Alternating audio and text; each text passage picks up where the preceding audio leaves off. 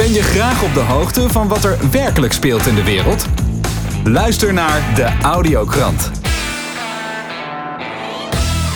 Fijn dat je luistert naar de Audiokrant. Deze week praat ik met schrijver Peter Tonen, Rico Brouwer van de Podcast en Jeroen Arends van OPN. Peter Tonen, welkom in de show. Goeiedag. Peter, je bent uh, schrijver en uh, ja, je bent uh, de laatste jaren veel bezig geweest met de Maya-kalender. Je bent ook coach en um, ook wel veel bezig met de alternatieve media, begreep ik? Jawel. Ja, mijn eigenlijke vak was trainer en coach zijn. En van daaruit ben ik gaan kijken wat voor veranderingsprocessen niet alleen de individuen zitten, maar de hele samenleving. Zo kwam ik bij Maya-kalenders terecht. Vervolgens ben ik gaan kijken naar de machtsstructuren die, die, ja, uh, die in, in, de samenleving ziet. Dan kom je terecht bij uh, het geld, uh, de geldstromen. Mm-hmm. Toen ben ik betrokken geweest bij het opzetten van de Blije Bank. En uiteindelijk ben ik gaan doorgaan met schrijven van artikelen en boeken. en is, zo is mijn laatste boek ontstaan, opgesloten in een piramide. Ik laat zien dat we al duizenden jaar in een programma zitten waarin we allemaal een soort gevangen gehouden worden in een piramide, sociale piramidestructuur. Nou ja, en nu zitten we allemaal in een lockdown. Er zitten nog veel meer gevangen, dus zou je kunnen zeggen.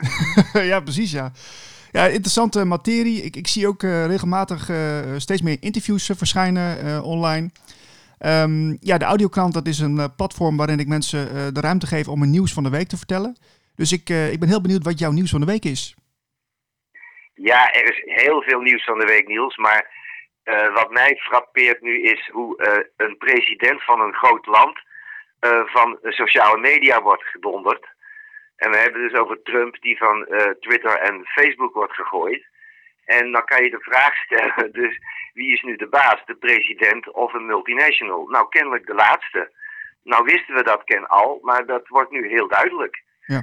Het, is, het is eigenlijk bizar dat uh, mensen het nog prima vinden ook dat ze niet in de gaten hebben wat dus kennelijk de macht van die sociale media bedrijven is dat ze zomaar hun eigen president vanaf kunnen gooien. Uh, ja, er is natuurlijk veel meer aan de hand, maar dit, dit frappeert mij. En nu, nu wordt het beter te begrijpen waarom Trump het over fake news heeft. Want hij is eigenlijk al vier jaar aan het strijden tegen die, die, die grote bedrijven die gewoon de, de, media in handen hebben. Ja, want je zegt dus de, de, de, de Trump dus wordt overal van afgegooid, van Twitter, van alle andere socials. Maar uh, hoe, hoe kan het dan dat heel veel mensen dat wel prima vinden? Omdat uh, nou ja, hoe moet je het zeggen? Zo iemand als Bill Gates, die heeft zijn geld verdiend met, uh, met computerprogramma's. Uh, die verdient nu zijn geld met vaccins, maar steekt zijn geld vooral in mediabedrijven. En je ziet bij de Democrats, dat zijn, dat zijn de, de, de globalisten. Trump was degene die zei America first en die ging nog een keer de strijd aan met China. en die, die, die globalisten, die, weet je, die, die, die hebben de media in handen. En als je de media in handen hebt, dan heb je dus, ja, dan kan je, dan kan je de geesten van de mensen in handen hebben. Dus hoe mensen denken, hoe mensen naar dingen kijken. En daarmee de werkelijkheid bepalen. Dus als je maar jarenlang uh, ja, uh, Trump loopt te bashen. Uh, dan gaan mensen nog geloven ook dat, dat Trump een, een kwaaie figuur is. Of wat je ervan moet vinden. Maar werkt, werkt dat instrument dan zo krachtig dat je vier jaar lang een, een president kan uh, nou, bashen, demoniseren? Dat mensen dan, uh, als, als het zover is dat, dat, dat hij geband wordt, dat mensen dat nog steeds niet zien. Werkt dat dan zo krachtig? Ja, je moet niet onderschatten wat, wat propaganda doet. Ik bedoel, zo, we hadden nooit ooit in, in, in een Tweede Wereldoorlog terecht kunnen komen als er geen propagandamachines waren. En we zien dus nu weer de propaganda op volle toeren draaien hoe jij en ik weten dat de NOS een staatsomroep is, dat de kranten in handen zijn van twee Belgische families, die daarbij ook nog door de EU gesteund worden, dus vanuit Brussel. Uh, en dat bepaalt wat mensen ja, waarnemen. Bedoel, mijn moeder heeft geen internet, die leest alleen de krant en ziet tv. En die, dat is dan het nieuws. En dat gaat dan in de hoofden van mensen zitten. En dat, nou, zo gaan ze ook de, de wereld bekijken. Ja, dat, nee, je moet dat niet onderschatten. Je moet dat niet onder, er is, in mijn optiek is er nu uh, een, een mediaoorlog gaande. Dus een, een, strijd over, uh, nou ja, wie, wie, wie mag zeggen wat, er, wat, wat de waarheid is. Uh, ja, en dat, dat moet je, nee, dat mag je niet. Maar kijk, hoe mensen naar de wereld kijken is, is gewoon, dat bepaalt ook ehm, hoe, de, hoe ze de werkelijkheid waarnemen. En dus ook hoe de werkelijkheid zal zijn. Ja, ja. Daarom is het heel belangrijk dat er onafhankelijke media bestaan. En is misschien ook, snap je, dit soort gesprekjes zijn belangrijk, dat die nog steeds mogen en kunnen. Uh, want jij en ik hopen, althans, uh, dat, we, dat we nog een soort van woord kunnen hebben. Hoe zeg je dat? Onze ja. eigen, laat, mensen, laat mensen God hun eigen gedachten hebben. Maar ja, nee, dat, moet, dat manipuleren en, en die propaganda onderschat dat niet. Nee. Nee. nee, maar dat is wel de, de uitdaging voor deze tijd, hoe je ermee omgaat. Hè? Want uh, je ziet dus dat uh, de mensen die dus ja, wel de, de mainstream blijven volgen en je gaat ermee in gesprek, dat je dan heel snel wordt gezien als een outsider van paria bijna, hè? Ja, ja. Nou ja, misschien ben ik het altijd wel geweest en jij ook. En wordt dat nu duidelijk. nou, dankjewel. ja, maar... nee, en, en, als we, als we als we de, de, de um, Steve Jobs van Apple mogen geloven, moeten we het juist hebben van, van de, en, en Einstein en al die mensen die, die later op een voetstuk zijn geplaatst of daar terecht zijn gekomen. Die hebben altijd gezegd dat je het moet hebben van de dwazen en de gekken en degene die buiten de randjes uh, wandelen. Uh, ja, nou ja, dat is dan maar zo. En sommigen nemen die rol omdat ze niet anders kunnen. Ja. En ik kom, er steeds meer, ik kom er steeds meer achter dat ik eigenlijk altijd zo geweest ben. Dus laat ik die rol maar gewoon vervolgen. Want ik kan het ook niet helpen dat ik dingen kennelijk anders zie dan de meerderheid. Ja, want hoe, hoe ga je daar persoonlijk mee om dan, Peter? Ja, dat is een lastige. In de zin, nou ja, um, de rust in mezelf blijven houden. Uh, en dat kan je door in de natuur te wandelen, door mediteren, door. Uh, maar ook wat heel belangrijk is, vind, vind bondgenoten, weet je. Dus zorg dat je niet alleen komt te staan, want dan word je de klokkenluier, dan word je de, de, het, het, wappie, weet ik veel hoe ze je dan gaan noemen. Zorg gewoon dat je bondgenoot, dat je vrienden vindt, dat je altijd mensen om je heen hebt die jou wel steunen in deze wereld die gewoon gehackt is door een stel psychopaten. En het spel van psychopaten is mensen uitspelen, hè? dat is gewoon mensen tegen elkaar opzetten. Uh, dus ja, in godsnaam, zorg dat je niet geïsoleerd raakt. Want dan, nou, uh, Oké, okay, maar bij psychopaten zeg jij, Peter, maar is dat, is, gaat dat niet wat ver om, dat, om die mensen psychopaten te noemen? Het is psychopathisch gedrag, laat ik het dan zo zeggen. Een, een paar procent van de bevolking is gewoon psychopaat bij geboorte. Ik bedoel, dat is gewoon een hersenafwijking. Uh, er gebeurt niks in die frontale hersenklap van ze. Dus die hebben geen zelfreflectie, die kennen geen empathie en geen geweten. Dat, ja, dat is gewoon een ziekte. Maar ze hebben een, een, een, een zeg je dat, uh, systeem gecreëerd. Een hiërarchie met baas boven baas, met controlesystemen. Waar, waar de technologie ook aan bijdraagt. Ja, waarbij je kan zeggen dat we in een psychopathisch systeem leven. En daarin gaan mensen ook psychopathisch gedrag vertonen. Dat is wat je ziet met, tot en met boa's aan toe. Ja. Wat misschien thuis heel aardige mensen kunnen zijn, maar geef ze een uniform aan en, en zie je wat. Hè, ze beginnen gewoon een soort NSB'er uit te hangen. Bedoel, Ja. Dat is wat je krijgt. Jeetje, ja, dat, dat, dat het zo eh, kan werken, hè? dat is best wel. Ik heb, het, blijft, het blijft me fascineren, zoiets. Nou ja, het, het- ja, dat is fascinerend, maar dat is, dat is kuddegedrag. En het is misbruik maken van een hele mooie eigenschap die we hebben, namelijk dat we elkaar willen ondersteunen en helpen. En niemand wil, wij zijn sociale dieren, dus niemand wil graag buiten de boot vallen. Dus dan ga je allemaal naar die kapje dragen. Ook al ben ik ervan overtuigd dat een groot deel in die supermarkten een, een bloedhekel aan die dingen heeft en het nut er ook niet van inziet. Maar mensen gaan het wel doen. Ja. Dat is wat je krijgt. Ja, en dan hou je er een paar over die het niet doen. en daar, en daar, wordt dan, daar wordt dan alle agressie op gericht. En het is gewoon, om, daar waar mensen niet naar, naar zichzelf durven kijken, gaan ze dat op anderen projecteren. En het is, want je wordt geconfronteerd met het feit dat je iets aan het doen bent dat je zelf ook niet wilt. Ja. Als je nou ziet dat een ander het wel doet, snap je, geen mondkapje draagt, dan wordt dat een bedreiging voor je. Dus ja, eh, hoe je het bent of keert, kennelijk zijn mensen die ja, hebben behoefte aan mensen die, die, laten we zeggen, eigenwijs zijn in de goede, de goede manier. Dat wil zeggen, ja, hun, hun gevoel, hun hart willen volgen. en ja, daar hoor ik bij. Jij waarschijnlijk ook. het gaat niet om gelijk hebben. Het gaat niet om gelijk hebben. Het gaat Ja. om, mag ik, mezelf, mag ik mezelf zijn? Precies, ja. ja. Waar, waar, waar schrijf je de laatste eh, tijd, Peter? Want je, je bent natuurlijk schrijver, je bent ook eh, coach. Eh, waar kunnen de mensen jou vinden online? Nou, uh, op dit moment, ik zit voor het eerst in een situatie waarin ik heel weinig betaald werk heb. Dus ik, ik, de, je kan mij vinden, ik heb een website, uh, peter-tonen.nl. Ik heb dat boek uitgegeven en je vindt op YouTube allerlei podcasts van mij, die gaan nog meer komen.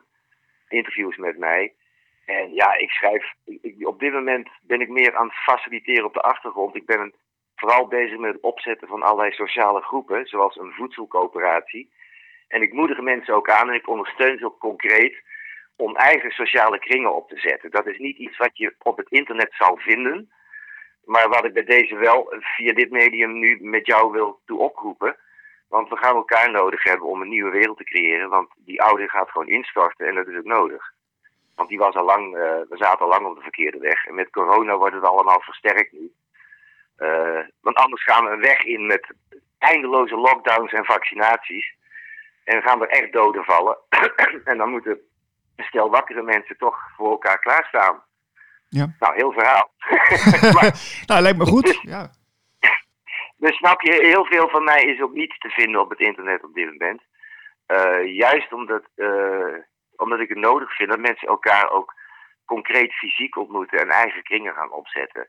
En dat, dat, dat, dat mag je onder de radar doen, dat moet even onder de radar, want uh, ja, dat is omdat het op dit moment illegaal is.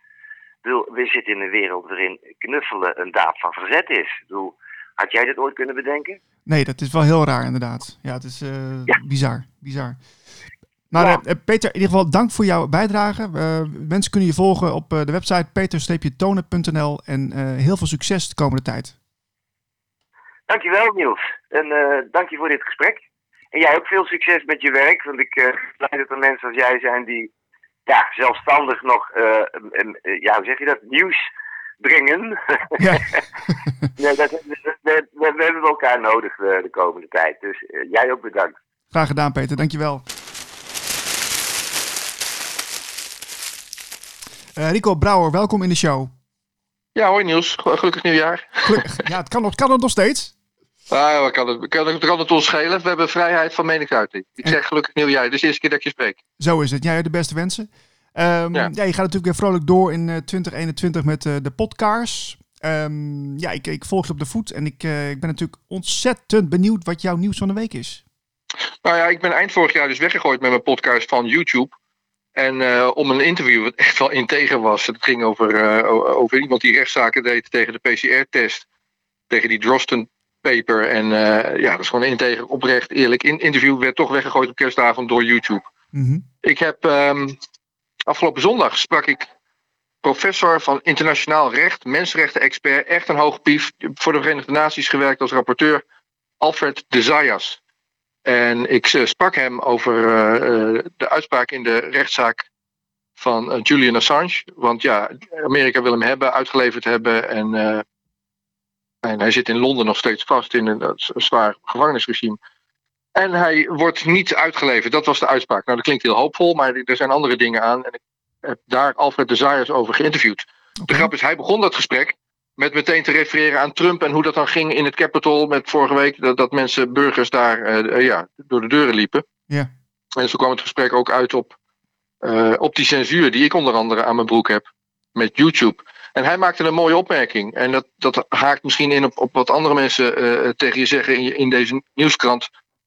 Uh, je hebt niet alleen vrijheid van meningsuiting. En je hebt niet alleen vrijheid van pers.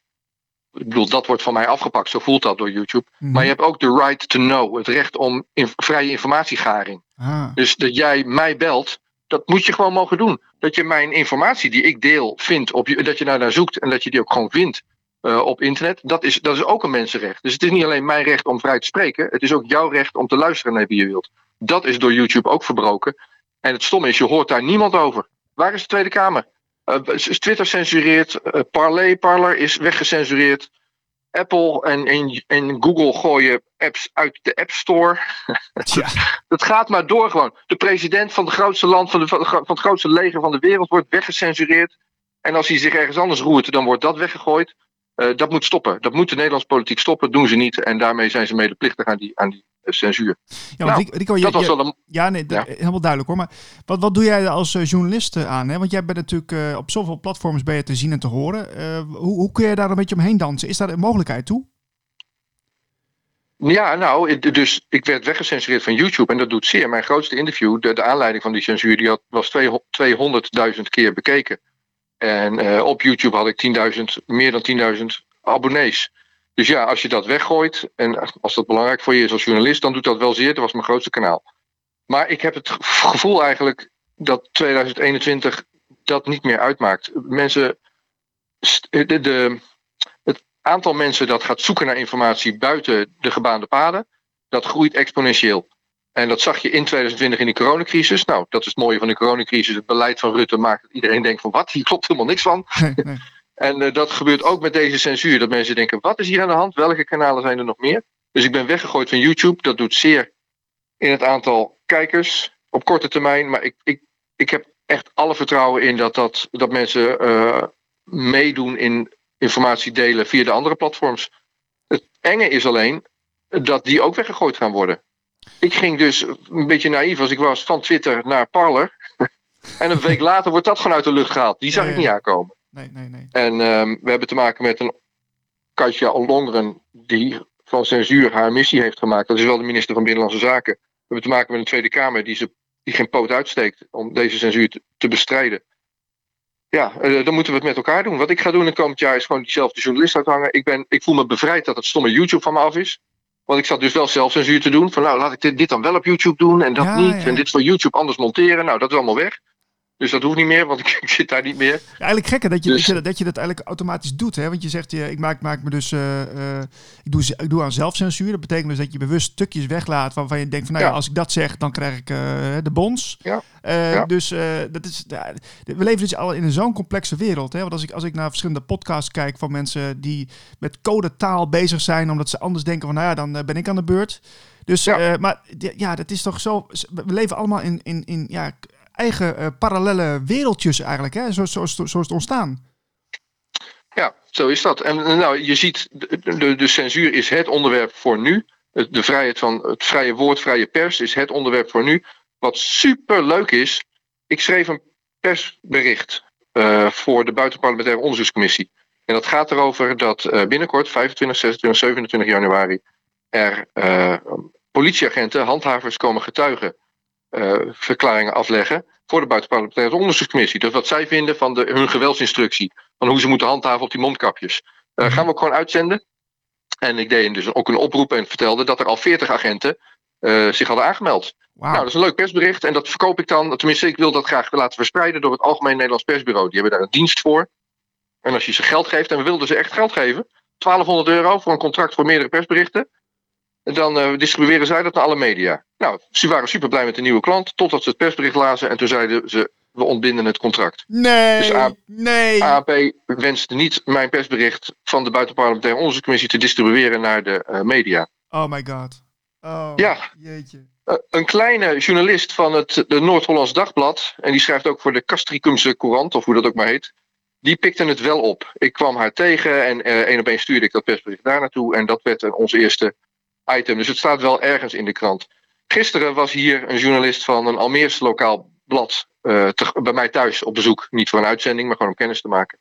Dus er zijn wel journalisten geïnteresseerd en eh, ja, ze werken kennelijk niet bij de grote media en, en het ANP probeert je tegen te houden. Dat is de staat van de journalistiek. Ik ging niet voor niks met Alfred de Zayas in gesprek over Julian Assange. Want wat ik in het klein doe en wat die kleine, kleine snuffelkrantjes doen en wat jij met alle respect doet met je, met je, met je, met je nieuwskrant, Mhm. dat is klein. De grootste, de topsporter op dat vlak is Julian Assange. Ja. Die afgelopen tien jaar eh, ja, in huisarrest in op, opsluiting zat. De rechter zei, alle, alle verweer, alle verdedigingspunten veeg ik van tafel. En ik heb de Zayas, dat is echt een top, topjurist, internationaal mensenrecht en eh, eh, internationaal recht. Die zegt, dit is, dit is een politieke uitspraak en de rechter in Eng- Engeland heeft dus geen onafhankelijk oordeel geveld. Op één punt kreeg de verdediging wel gelijk. Ze zeiden Assange is ziek. Hij is ook mentaal ziek. En lever je hem uit aan Amerika, dan zal hij vanwege dat gevangensysteem daar ja, zelfmoord plegen. Ja. En om die reden, om humanitaire reden, leveren we hem niet uit. De Verenigde Staten gaan in beroep. En dat was ook mijn vraag aan de Zayas. Hoe ga je daarin tegen beroep dan? Ga je dan zeggen, hier heb je een vijf sterren eh, gevangenis of zo? Hoe, hoe ga je dan zeggen dat hij geen zelfdoding doet? Ja. Dat je voor, voor hem gaat zorgen? eh, ik weet niet of je je nog herinnert, maar we hadden uh, Epstein, uh, die ook super suicidaal was, zeg maar. Mm, En dat hij ook gelukt is om zelfmoord te plegen. Dus ja, of dat nou echt zelfmoord of dat hij vermoord is, maakt niet uit. Maar dat zal Assange ook gebeuren. Dus, maar Amerika gaat in beroep en dat betekent dat Assange weer anderhalf jaar moet wachten. Hij heeft geen borgtocht gekregen. Dat was een verzoek van de verdediging. Stuur hem dan op borg naar buiten. Dan kan hij in ieder geval weer gewoon in een huis sterker worden. Ja. Borg is verboden. Hij krijgt geen borgtocht. En het argument van de rechter daar is: hij is vluchtgevaarlijk. Want hij heeft al een keertje zijn borg verbroken, zijn huisarrest verbroken. Nou, dat vroeg ik ook aan de Sayas, Alfred de Sayas. En mensen kunnen dit terugzien op podcast.nl. Dus mijn interview staat daar. Mhm. Hij zegt: als je borg, op borgtocht vrij bent gelaten, of als je onder huisarrest staat en je verbreekt dat, maar je krijgt politiek asiel, dan, dan is dat dus geen overtreding van je huisarrest. Politiek asiel krijgen, en dat is Assange gebeurd. Mm, hem is politiek asiel verleend door Ecuador. Dan mag dat nooit een argument zijn om, om te zeggen: Nou, je krijgt dus dit keer geen borg. Desondanks is dat gedaan. De man is half dood in de gevangenis in Engeland. Waar de verwarming het niet doet. Waar hij geen dekens mag ontvangen van zijn familie. Waar hij geen post ontvangt. Waar hij niet met zijn advocaten mag spreken. Hij heeft het vonnis zelf ook nog steeds niet gehad. Het is vorige week maandag uitgesproken. Hij wordt daar doodgemarteld, hij krijgt geen borg.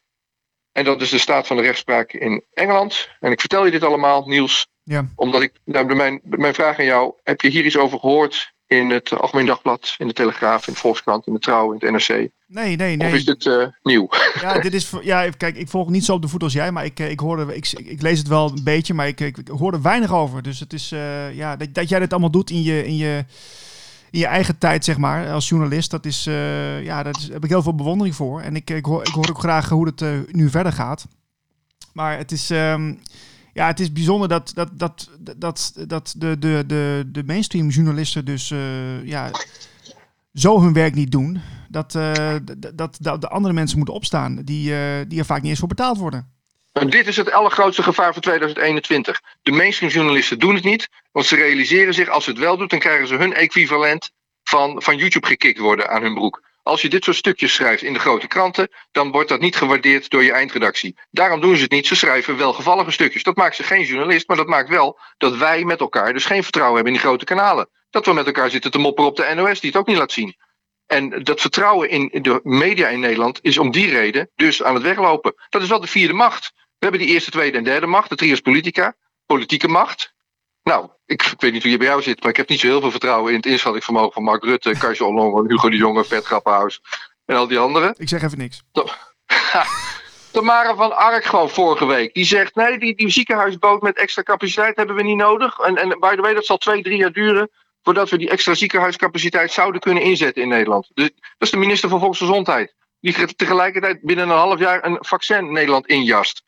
En, en, en, en extra ziekenhuiscapaciteit heeft ze niet nodig. Het is wel een boot met 500 bedden aangeboden aan Nederland.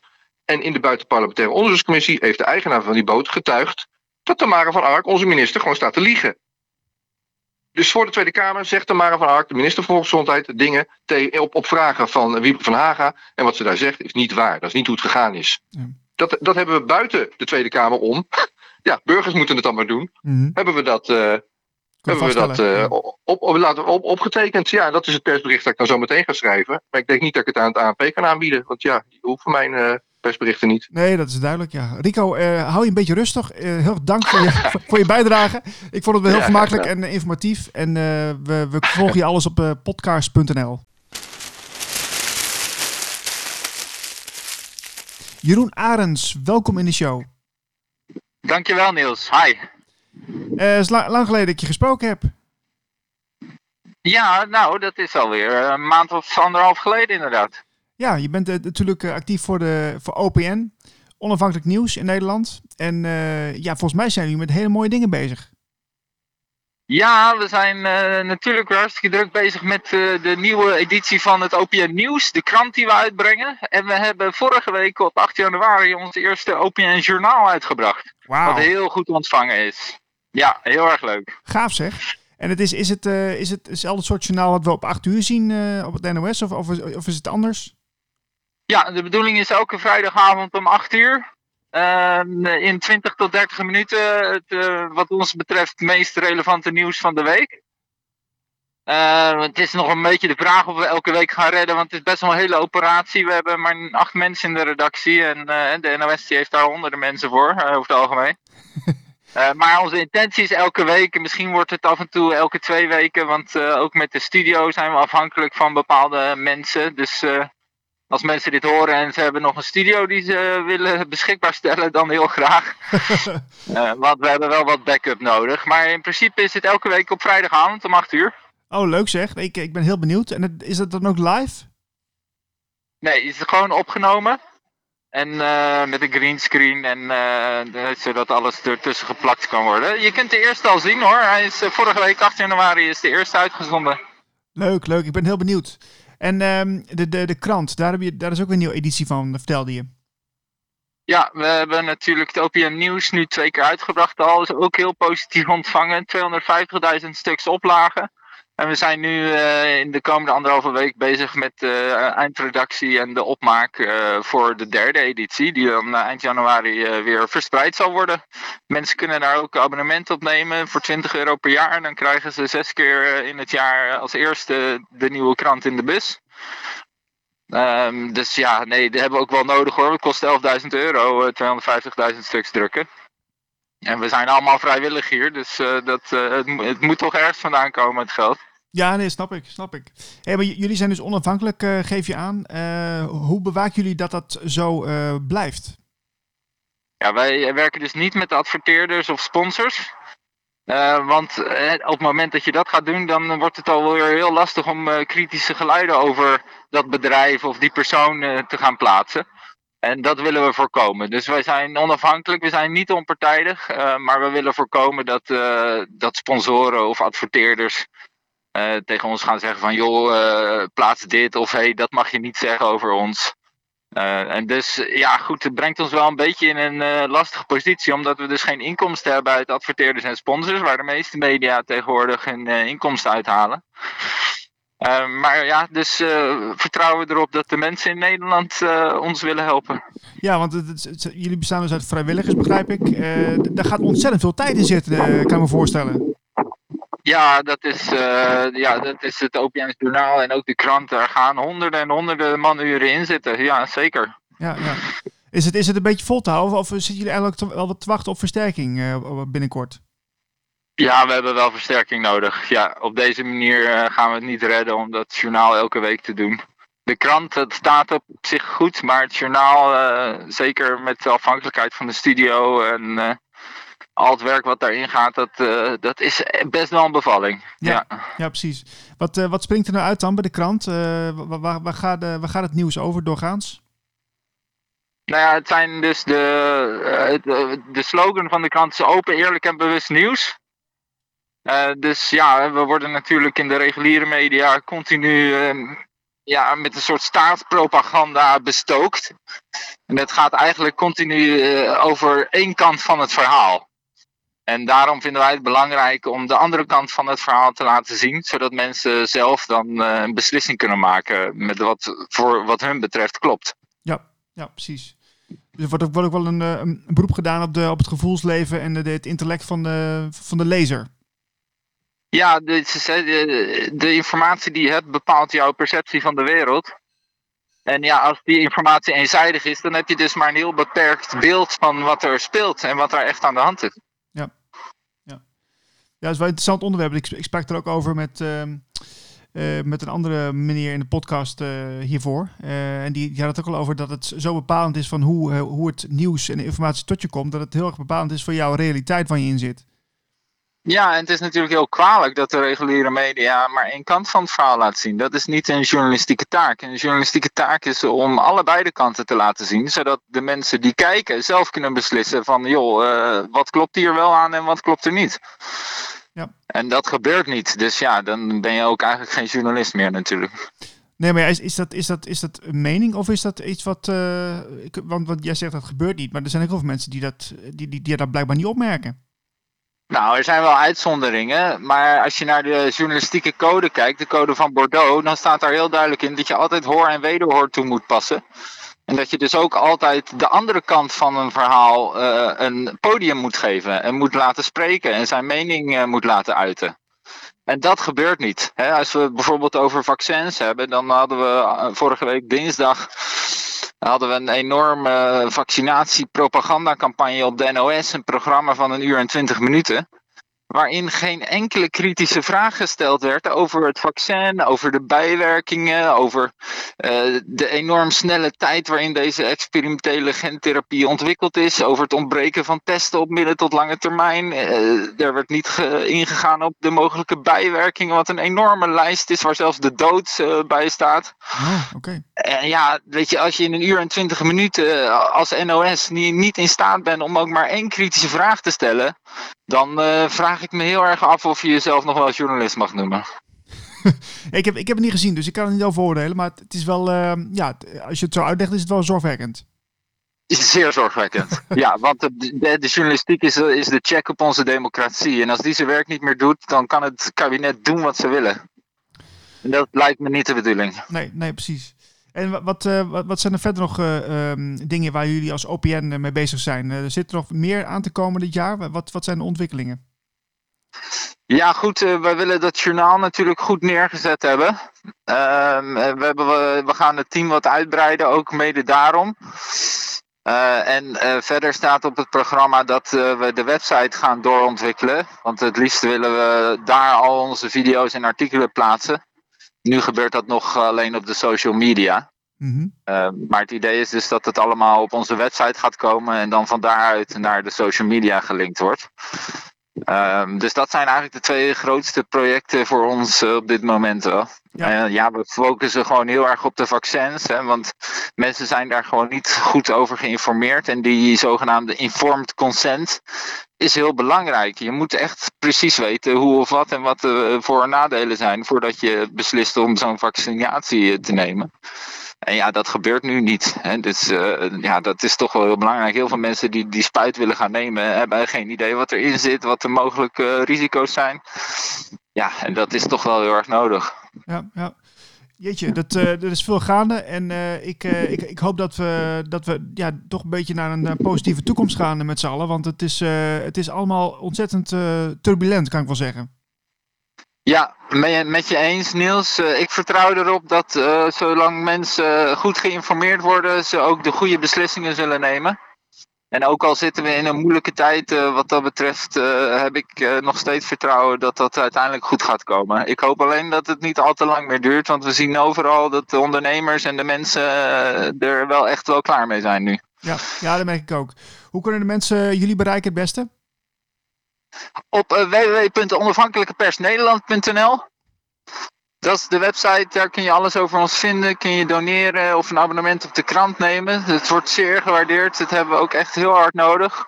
En verder zijn we op alle social media kanalen te vinden. Tot zover deze audiokrant. Wil je meer informatie? Ga naar blikopdemaatschappij.nl